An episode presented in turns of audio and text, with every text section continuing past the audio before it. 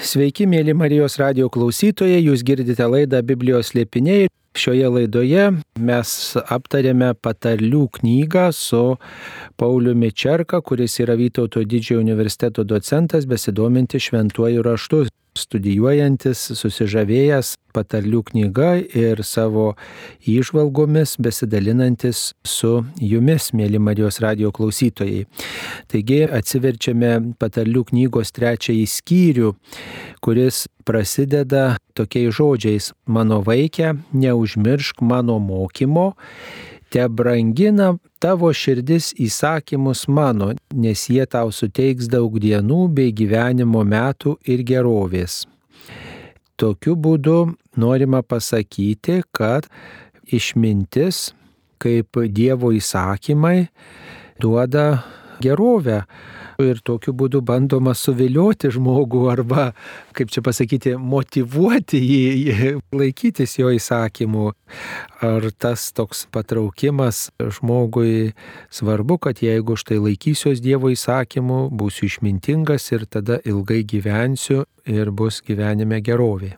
Sveiki, mėly radio klausytojai. Iš ties mes kaip kiekvienas žmogus turim laimės troškimą. Tas laimės troškimas yra Dievo duotas tai normalu, kad mes ieškome tos laimės ir patarlių knygoje tai yra išreiškiama tokiu vaizdiniu ilgo gyvenimo ir gerovės, taip, to, ko mes ieškotume, tai yra amžino gyvenimo vaizdinys ir iš tikrųjų tik tai Dievo išmintis mus gali vesti tą kelionę, kuri baigsis amžina laimė.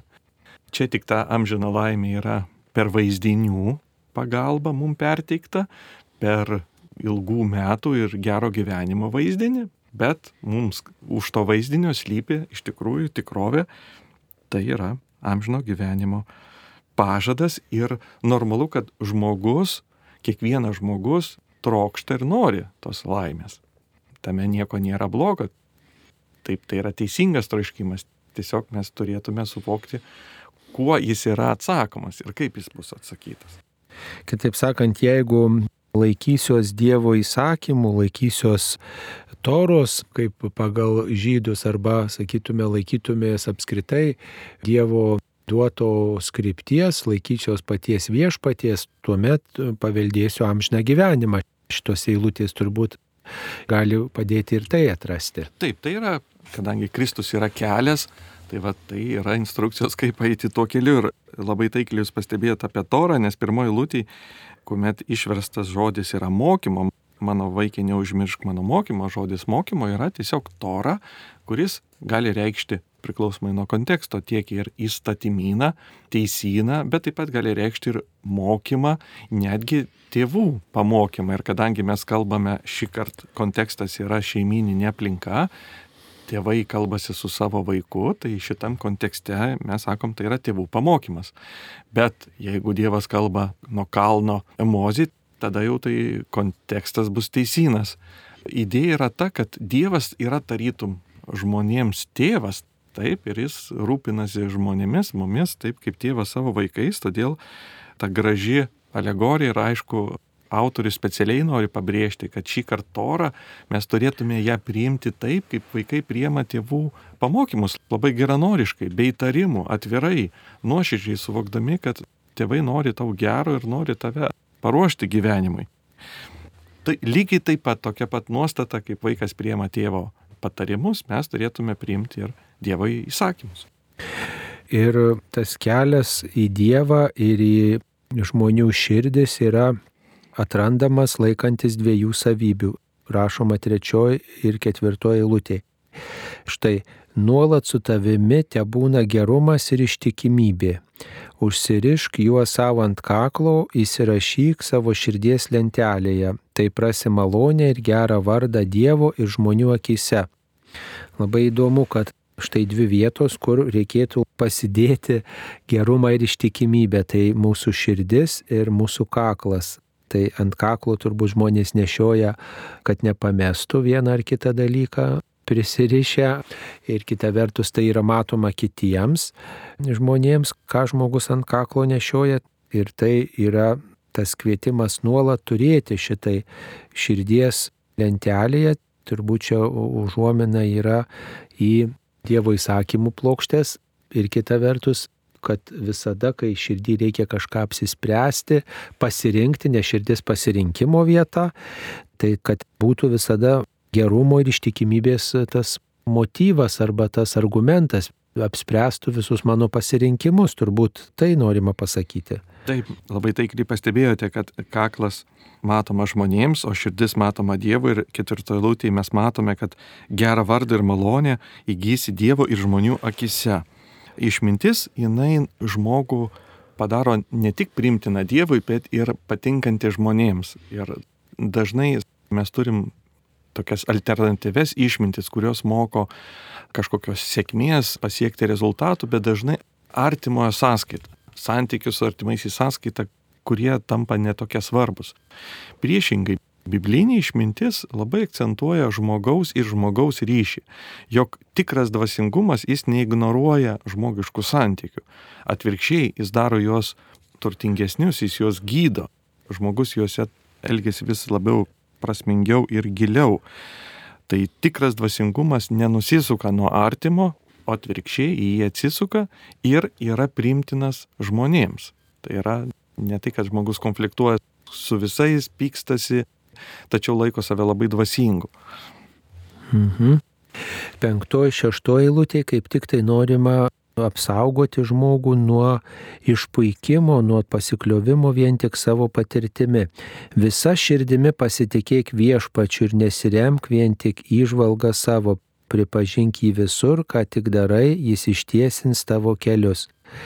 Tai tas širdies motyvas turbūt nepadalinta širdim, visa širdimi pasitikėk viešpačiu, kad visuose dalykuose reikėtų į Dievą remtis, net ir tuose, kurie atrodo nuo Dievo galbūt tolimi, mūsų būtiniai dalykai, mūsų kažkokie maži, smulkus pasirinkimai atrodo, kur čia viešpats, o visose srityse reikėtų Dievo įsakymų, Dievo principų, Dievo asmens laikyti su juo tartis turbūt. Taip, taip. Dvasingas žmogus neskirsto erdvės, kad tai yra Dievui skirta erdvė, o čia yra, na, ką man Dievas čia padės. Iš tikrųjų yra vienas gyvenimas ir viena erdvė ir mes turėtume visur pasitikėti Dievu, bet čia taip pat reikia sveikai suprasti tą mintį, jog visur pasitikėti Dievu nereiškia, kad visus atsakymus galima rasti šventam rašte. Šventas raštas mums duoda Dievo pažinimo gairės, bet neužkirta kelio ieškoti atsakymų, ypatingai šeimos socialiniais politikos klausimais ir kitur žmogaus protų pasiektose įžvalgose. Tai nereikėtų to suprasti, kad visose srityse pasitikėti Dievu tarytum reikštų skaityti tik vieną knygą gyvenime.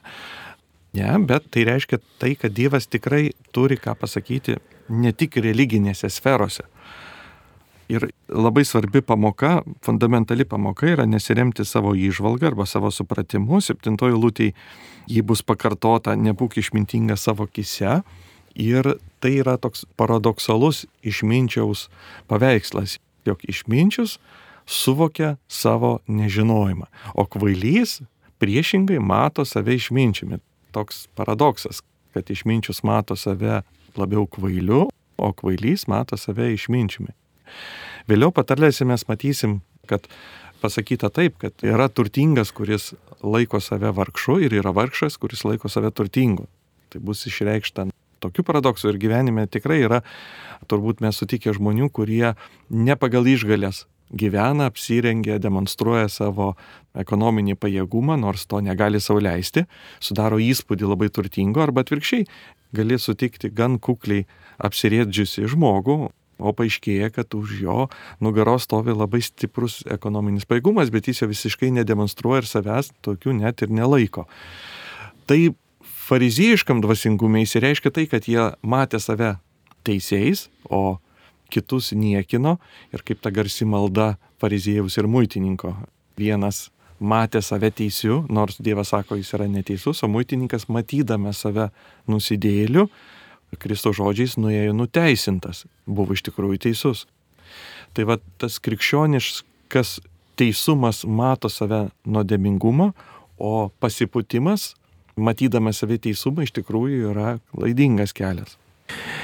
Trečiajame skyriuje taip pat kartojasi motyvas apie išmintį kaip apie pagarbę viešpaties baimę.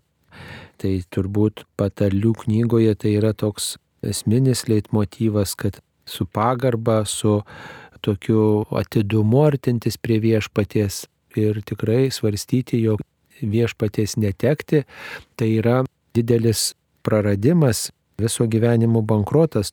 Tai todėl su pagarba prie viešpaties artinti su didelė meile. Ir trečios skyriaus septintoje eilutėje rašoma, nebūk išmintingas tik savo, pagarbiai bijok viešpaties ir venk pikto.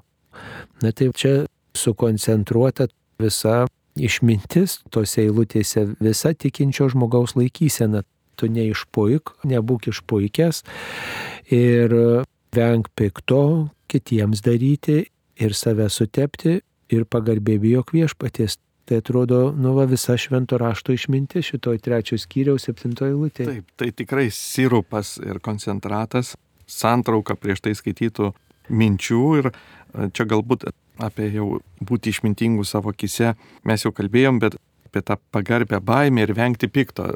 Iš principo idėja yra tokia, mes galime susilaikyti nuo tam tikrų prieštaringų visuomenės tvarkai arba moraliai veiksmų, kartais dėl to, kad bijome, jog už tai susilauktume bausmės, tačiau čia kviečiama bijoti piktą, todėl kad dėl Dievo baimės. Dievo mes nematome. Dievo teismo tik tai tikime. Jis nėra apčiuopiamas, kad jis toks lauktų. Tačiau klausytojas raginamas tuo motyvu vengti pikto. Tai yra ne tik tada, kai mane gali pagauti ar aš galiu būti nubaustas, bet net ir tada, kai manęs negali pagauti ir manęs nenubaus, vis tiek mane veikia sąžinė, Dievo baimė ir jinai motivuoja mane padaryti vieną ar kitą sprendimą. Čia turbūt rašoma, koks rezultatas, koks vaisius, kada žmogus nėra pats savo patenkintas savimi ir iš tiesų vengia pikto ir bijo viešpaties. Tai teiks veikatą tavo kūnui ir atgaivą tavo kaulams. Aštuntoje eilutėje trečiajame skyriuje štai taip rašoma. Ar tai nėra tas pats sveikata kūnui ir atgaiva kaulams? Tai, kaip sakyt, ir kaulai, ir kūnas iš esmės yra tas pats, ką čia norima pasakyti. Turbūt du kart sustiprina tą sveikatos vaizdinį eilėmis, kad lengviau įsimintų, bet tai yra gyvybingumo pažadas. Ir toks va, tikrai paradoksas galima matyti apaštalų gyvenime, jog jų gyvenimai buvo tikrai nelengvi, bet labai jie išliko gyvybingi. Kad ir kaip jiems sunku be buvo gyventi, jų tas gyvybingumas padėjo jiems išlikti ir iš tikrųjų labai nemažą nuveikti. Ir kartais net žmonės, kurie yra na, iš jų liūdimų patekę į koncentracijos stovyklas, vieni labai greit palūždavo, nors sąlygos gal dar ir nebuvo tokios sunkios, o kiti turėjo vidinės gyvybės ir per ypatingai sunkius periodus išlikti, neprarasti vilties. Ir būtent čia eina kalba apie tą vidinę sveikatą, tam tikrą gyvybės šaltinį, kuris net ir sunkiom gyvenimo aplinkybėm leidžia žmogui nepalūšti, praeiti pro sunkumus. Čia nepasakyta, kad pats gyvenimas taps lengvas, bet pasakyta yra, kad bus ta vidinė sveikata, vidinė gyvybė per jį pereiti. Devintoje eilutėje kalbama apie tokį gal paukojimą turbūt Dievui kaip dėkingumo ženklą. Gerbk viešpatie viskuo, ką turi ir visomis savo derliaus pirmienomis. Ir dešimtoji lūtė tuomet tavo svirnai bus pilni grūdų ir jaunas vynas liesis per statinių kraštus. Tai turbūt čia įamžinta viena tradicija aukoti iš viso derliaus, ką žmogus turi Dievui, tos pirmosius vaisius, tuo pripažįstant, kad viešpats yra kuriejas ir išreiškiant dėkingumą už visą tai, ką turiu. Taip, žmogaus požiūris turbūt į turtą ir į pinigus labai koreliuoja su tiek su santykiu su išmintimi ir, ir santykiu su Dievu, kaip mes elgiame su savo turtu, parodo, kaip mes tikime. Sunku turbūt sakyti, kad mes bijome Dievo, bet priklausome nuo turto labiau. Pinigų bijome arba pinigų netekimo bijome labiau. Tai yra geras testas savo pasitikrinti, yra tas pažadas ar uodų ir spaustuvų, tai yra duonos ir vyno, tam tikros dvasinės gerovės dvasiniu turtu, šventos dvasios ir Dievo žodžio įvaizdžiai pasitelkė, jog iš tikrųjų, jog žmogus, pavedė save Dievui, bus atviras Dievo dovanoms, tai yra Dievo žodžio supratimui ir šventos dvasios dovanų veikimui. 11 eilutėje dar kartą kartojamas tėviškas, motiniškas kreipinys mano vaikė, netmesk viešpaties drausmės, nesipiktink, kai jis tave pataiso, nes ką myli, tą viešpats pataiso, kaip tėvas sūnų, kuriuo gėrisi. Tai čia turbūt ir kitokių vertimų yra šitoje vietoje. Tas pataisimas ne visada turbūt yra mielas žmogui, kuris klysta, kuris daro nuodėmę arba nepaiso viešpaties įsakymų. Čia iš tikrųjų gal žodis pataiso gan vykęs, nes galima versti draudžia ar barą, kai kada yra verčiama baudžia, bet vad baudžia ne visai yra vykęs žodis, daug geriau yra auklėje, auklėje arba barą. Ir čia svarbu suprasti, kad tėvas auklė sūnų ne tik tada, kai jis elgesi blogai. Nes mes dažnai galvojame, kad jo bausmė yra, kai mes nusikalstame. Taip, bausmė yra, kai mes nusikalstame, bet auklyba yra priešingai, kai mes elgiamės gerai. Čia kaip treneris ir sportininkai. Treneris duoda sunkias užduotis ne tada, kai komandai prastai pasirodo, bet priešingai, kai jį gerai pasirodo, tam, kad dar geriau pasirodytų. Tai šiuo atveju Dievo disciplina liečia ne tik nusikalstančius, bet atvirkščiai tuos geruosius, kurie daro pažangą tam, kad darytų didesnės pažangos. Nes taip vyksta sporte pasiekimai, treneris duoda užduotis, duoda krūvis, tarytum ten atsispaudimai ar bėgimai yra, atrodo, kad treneris piktas, bet iš tikrųjų jis juo mūsų lavina tam, kad mes pasiektume daugiau. Taip ir Dievas mūsų gyvenime įveda į sunkias patirtis, kartais į skausmą, kartais į iššūkius, Ne todėl, kad mus baustų, bet todėl, kad mus lavintų dar didesnėms darybėms. Tai šiuo atveju labai svarbu suprasti, kad jo auklėjimas yra ne dėl mūsų kalčių, bet atvirkščiai dėl mūsų darybių, kad jos dar labiau subręstų. Ir laiškiai žydams yra cituojama šita pati vieta, primenant jų padėtį, jog jie yra patekę į ypatingai sunkius persikėjimus. Ir tuos persiekimus raginama priimti kaip auklybą, jog per juos krikščionio siela, charakteris įgys tam tikrų savybių, kurių sunkiai įgysi kitaip. Kaip ir sportininkas, be treniruotės, be sunkios treniruotės nėra būdo išlavinti kūno ir raumenų, dėja, iš knygų skaitimo nepavyks, reikia pradėti prakaito. Taip ir sielos kelionėje norint subręsti, reikalingas tam tikras skausmas ir tai ne bausmė. Priešingai, tai yra lavinimosi ir disciplinos dalis. Skaitome toliau trečiąjį skyrių nuo 13 eilutės. Laimingas žmogus, kuris išminti randa, kuris supratimo įgyja, juk jos nauda didesnė už naudą sidabro ir jos atlygis didesnis už atlygį aukso. Ji vertesnė už brangakmenius visi tavo turtai negali jai prilygti. Jos dešinėje ilgas gyvenimas, jos kairėje turtai ir garbė, jos keliai yra malonus ir visi jos takai ramus, yra gyvybės medis, ją suvokiantiems laimingo vadinamas, kas jos laikosi. Taigi, pasikartoja šioje ištraukoje du kartus žodis laimingas, tai pabrėžiama, kad išmintis tikrai veda į laimę. Taip, mes norime būti laimingais ir išmintis yra kaip tik kelias į tą laimę ir čia mes sutinkam, kad išmintis vadinama gyvybės medžiu.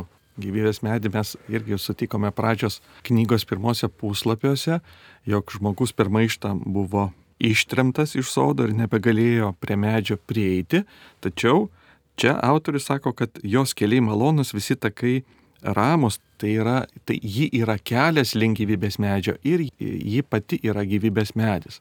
Būdami krikščionys mes atpažįstame, kad išmintis yra pats viešpats Jėzus, o gyvybės medis jo kryžius. Ir kryžiuje pasireiškia tobulai Dievo išmintis, jog ji paukojo save už mus, už mūsų nuodėmės, parodė kelią ir tuo atskleidė savo esmę ir atrodo iš pirmo žvilgsnio tikrai labai toks paikas tarytum sprendimas, bet pamačius giliau supranti, kad labai labai išmintingas Dievo pasirinkimas. Tai Čia mes sutinkame išminti kaip gyvybės medį, krikščionį, tai aišku yra kryžiaus ir Kristaus gyvenimo modelis, tas gyvybės medis, per kurį mes ir randame amžiną gyvenimą turbūt visoms kartoms suprantamas argumentas, kai išmintis lyginama su turtu. Nes paprastai visi žmonės nori būti turtingi ir tą turtą visais laikais matuoja brangiaisiais metalais arba ką už tą turtą gali įsigyti, tai tas palyginimas išminties su turtu, su brangakmeniais turbūt suprantamas visų kartų žmonėms ir vis dėlto verta susimastyti, o kas yra to išmintis, jeigu ji yra brangesnė už visus mano sukauptus turtus, brangenybės, už sidabrą ir visą kitą, ką labai vertinu. Taip ir tada mes čia prisimenam Evangelijos palyginimus, kuomet pirklys radęs vieną didelį perlą parduoda kitus, kad įsigytų, arba žmogus radęs lobį sklype parduoda, kad sklypą įsigytų ir vėliau gautų tą lobį.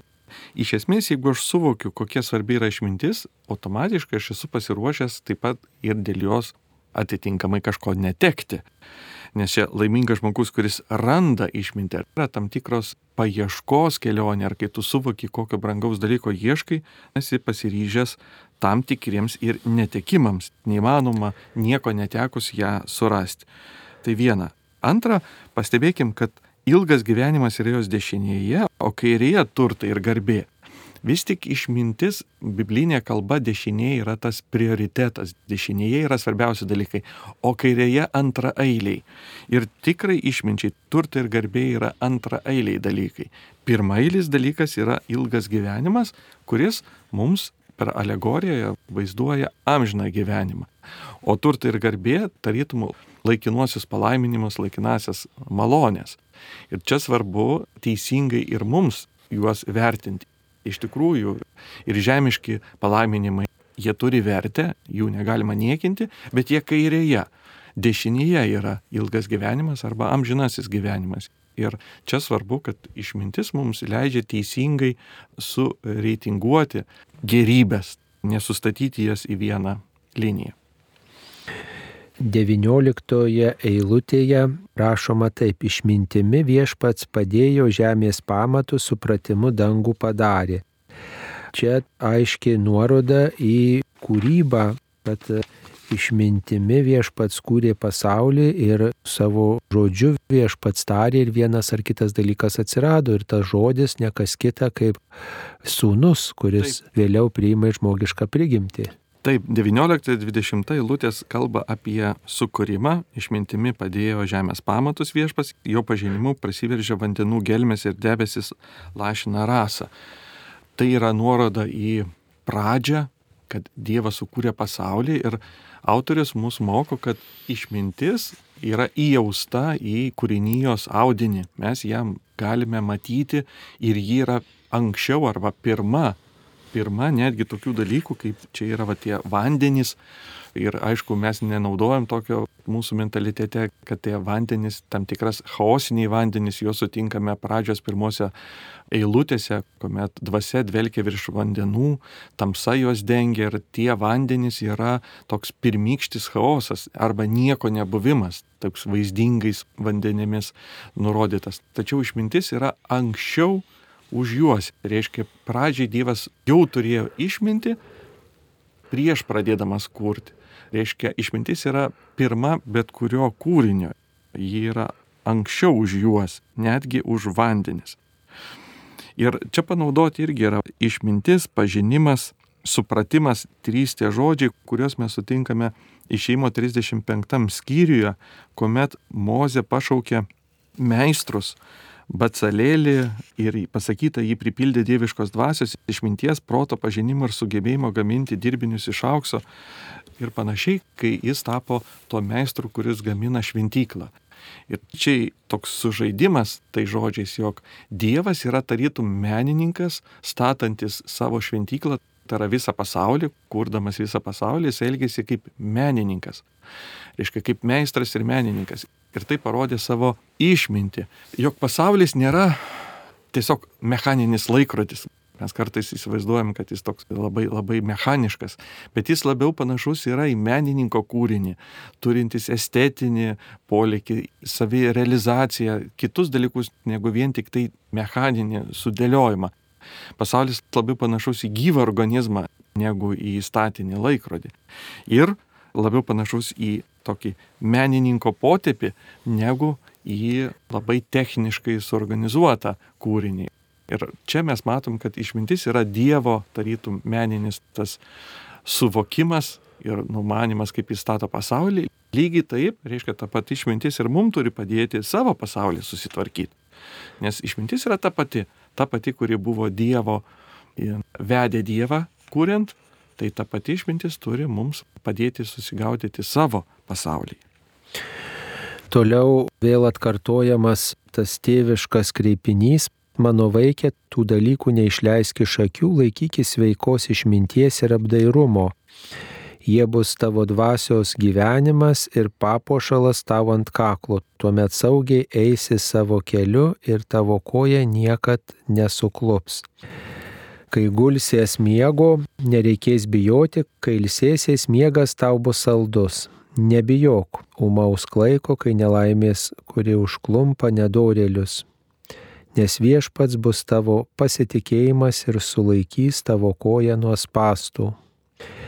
Ir čia toliau tie patarimai eina, bet žodžiu vėl kviečiama išminti tarsi papuošalą laikyti ant kaklo, kas būtų matoma kitiems ir ko nepamestumiai niekuomet.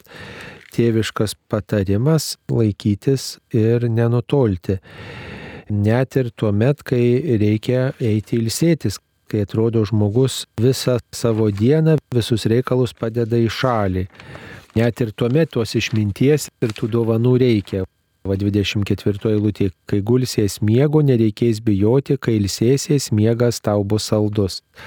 Tai išmintis duoda turbūt ramybę tokia, jeigu aš laikausi viešpaties įstatymų, jeigu pagal jo mokslą gyvenu, tuomet ir mano miegas ramus.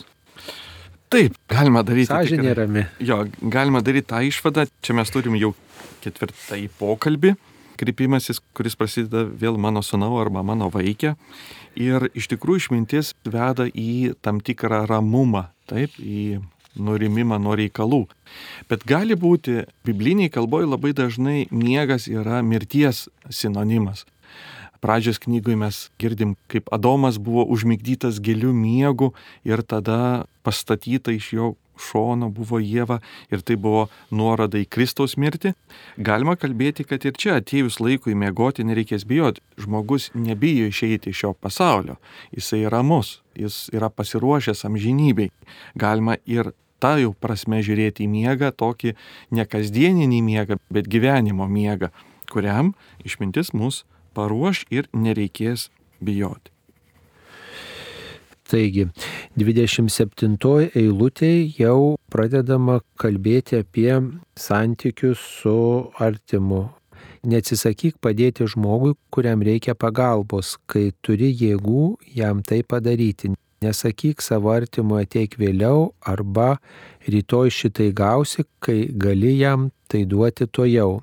Nesikėsink daryti žalos savo kaimynui gyvenančiam patikliai šalia tavęs, nesiginčyk su niekuo be reikalo, kai nebuvo tau žalos padaryta. Nepavydėk smurtą mėgstančiam žmogui, nesek nie vienu jo poelgiu, juk suktų žmogumi bjaurisi viešpats, o dorieji yra viešpaties draugėje. Taigi, nesakyk savo artimui, nesikėsink daryti žalos, nesiginčyk, ir nepavydėk, tai čia jau tokie kaip ir Dievo įsakymus atkartojantis principai ir yra toji išmintis, neskriausk savo artimo. Taip, ir čia daugiau netgi net neskriaus, bet padėk, negudrauk, nesakyk artimo ateik vėliau arba rytoj, nors galiu ir šiandien. Nu, iš esmės, kada mes pasakome, Aš šiek tiek užsiemęs, paskambink vėliau, vylėmės, kad ta problema gal savaime įsispręs ir nebereikės padėti. Taip atidedam, atidedam tą pagalbą. Iš principo raginama būti tuo geranorišku, atviru, pagelbėjančiu, o ne tokiu savanaudžiu. Reiškia, išmintis niekada negali žmogaus vesti savanaudiškumo link. Ir čia yra toks pasitikrinimas, kad jeigu mes manome, kad mokomės išminties, bet tampame vis labiau savanaudžiais, tai reiškia, kažko ne to mes mokomės. Ir Jokūbas labai taikliai kalba apie iš dangaus nužengusią išmintį ir žemišką išmintį. Ir Jokūbas būtent tas savybės, tam tikras romumas, geranoriškumas žmogui ir yra tie požymiai liūdėjantis, kad žmogaus gyvenime tikrai veikia tikroji išmintis, nes atsimenat, trečios skyriaus pačioj pradžioje mesgi skaitėme, jog rasi malonę ir gerą vardą Dievo ir žmonių akise. Reiškia, išmintis daro gerą vardą, gerą prieimimą santykiuose su žmogus su žmogum. Ir patarlių knygos trečiojo skyriaus pabaigoje pažymima, kas laukia tų, kurie nesilaiko viešpaties taisyklių, viešpaties įsakymų ir tai paniekina jo išmintį. 33-34 eilutė rašoma, nedorėlio namus viešpats prakeikia, o teisiojo buveinę laimina. Pašaipūnams jis yra pašaipus, o kokliesiems rodo malonę. Turbūt kalbama apie atpildą, kuris laukia žmogaus nesilaikančio artimo meilės įsakymo ir apie atpildą tam, kuris laikosi tos pagarbos kitiems. Taip, čia labai svarbi mintis išsakyta, ją mes girdim atkartota ir Naujajame testamente. Jokūbas ją cituoja, kukliesiems arba nuolankiesiems Dievas teikia malonę. Kur yra tam tikras paradoksas, jog malonė iš esmės yra dovana. Jei aš teikiu dovaną, tai ta dovana turi būti nepelnyta ir tai negali būti užmokestis. Tai viena vertus mes kalbam apie dovaną. Kita vertus pasakyta, kad nuolankiesiems arba kukliesiems Dievas teikia dovaną. Kaip tai galima suderinti, jog dovana turi išlikti dovana, bet kita vertus yra išskirta ta grupė asmenų, kuri tą dovaną gauna. Ir čia labiau mes suprantam, kad kuklumas nėra už jį nėra atlyginama, jis nėra tam tikras darbas, už kurį Dievas įkainuotų ir atlygintų, bet priešingai tai yra dalykai, kurie labai patinka Dievui ir dėl to, kad jam patinka, jis apdovanoja pagal savo dosnumą nuolankų žmogų. Ne tai, kad jam užmokėtų už kažką, bet jam gera yra apdovanoti, kaip čia daugiau karaliaus vaizdinys, kaip ir šiandien mes visuomenėje apdovanojam ordinais ir medaliais visuomeniai, sakom, nusipelniusius žmonės, ne ta prasme, kad mes kolingi kažkokius tai esame atlyginimą jiems, bet priešingai, jie savo gyvenimu parodė tam tikras savybės, kuriuom mes grožimės ir kaip atsakas į tą grožį mes sakom, galim apdovanoti to, ko visuomenė apdovanoja šiais laikais būtų tais medaliais, o Dievas apdovanoja savo malonę. Taigi malonė, nors ir yra dovana, ji nėra taškoma bet kaip. Nors ir yra dovana ir duodama nepelnytai, vis tik ji neduodama bet kam. Yra pasakyta, kad nuolankieji gauna malonę. Aišku, ir pats nuolankumas jau yra malonė. Ir čia mes jau eitume į tokį labai sudėtingą klausimą, kaip tas žmogus tampa nuolankiu nes nuolankiesiems teikiama malonė ir ne visada jau mes galim ir atsakyti į tokį sudėtingą gilį, bet iš šios eilutės mes suprantame tai, kad nors Dievo dovana yra nepelnyta, vis tik jis ją dalinasi su tais, kuriem patinka jam ją dalintis. Ir nuolankumas yra būtent ta savybė, kodėl Dievas duoda, jam patinka apdovanoti. Trečiasis skyrius užbaigiamas 35 eilutė. Išmintingieji garbę paveldės, užsispyrę kvailiai gėda.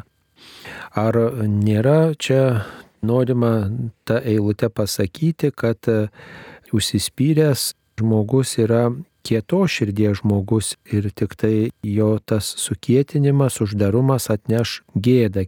Kitaip sakant, tas, kuris neapsisprendžia už viešpatį, bus sugėdintas. Čia gražus žodžių žaidimas yra taip, yra, kad išmintingi paveldžia šlovę, o kvailio šlovė pasibaigs gėda. Čia toks tam tikras žodžių žaidimas, kad lengviau įsimint ir prieš pastatymas vienas su kitu ir mums raginama įspėti, kad vien tai, kad žmogus turi tam tikrą pasisekimą, dar nerodo jo baigties. Čia mes matome tam tikrą galutinę baigtį. Ir iš tikrųjų labai sudėtinga tarpiniam etape pamatyti, kaip kam sekasi, nes pastebėkim, kad išmintingieji gali šiuo metu turėti didelį gėdą, bet ateityje jų laukia šlovė. O atvirkščiai, kvailio šlovė pasibaigs gėda ir tik amžinybės teisme mes matysim galutinės gėdas ir šlovės. Ir šiai dienai mums reikia neskubėti su vertinimu, nes gali būti labai didelis surprizas laukti, kad žmonių gėdos ir šlovės gali apsikeisti. Tai čia ta garbė ne tik tai šitam pasauliu yra suvokiama, bet ir tas amžinas Dievo regėjimas, ta pilnatvė dangaus karalystė. Čia tam tikra vėlgi yra alegorija, kad mes suprantam, jog ir paprastai gyvenime žmonės, kurie elgesi kvailai, jie galų gale patiria tam tikras nesėkmės, bet mokomus iš tikrųjų šitos eilutės per alegoriją į amžinybę, jog šio gyvenimo tas tarpiškumas dar nieko nepasako apie tai, kas laukia galutiniam. Ir iš tikrųjų mes žinom, kad daugelis šventųjų ir teisiųjų, jie savo laiku turėjo tik gėdą, buvo ir atmesti, ir apšmeišti, ir nepriimti, bet jų laukia šlovė. Ir atvirkščiai, mes žinom, kad daugelis jau vėliau istorijai pasmerktų asmenybių savo laiku turėjo didelį pasisekimą, bet vėliau iš jų atminimo nieko nėra likę. Mėly Marijos radio klausytojai, šioje laidoje aptarėme patarlių knygos trečiąjį skyrių. Jį analizavo Vytauto didžiojo universiteto docentas Paulius Čerka. Taigi linkime visiems išminties dovanų, linkime, kad šitą dovaną viešpat suteiktų, o turbūt jos reikia mums visiems trokšti, tos išminties, viešpaties artumo, jo įsakymų laikytis.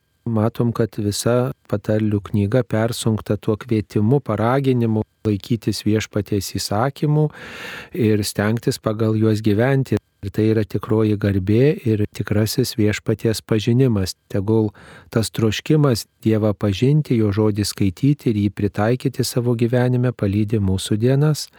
Prie mikrofono buvau ir aš Saulis Bužauskas. Būkite palaiminti ir išmintingi. Ačiū sudė. Sudė.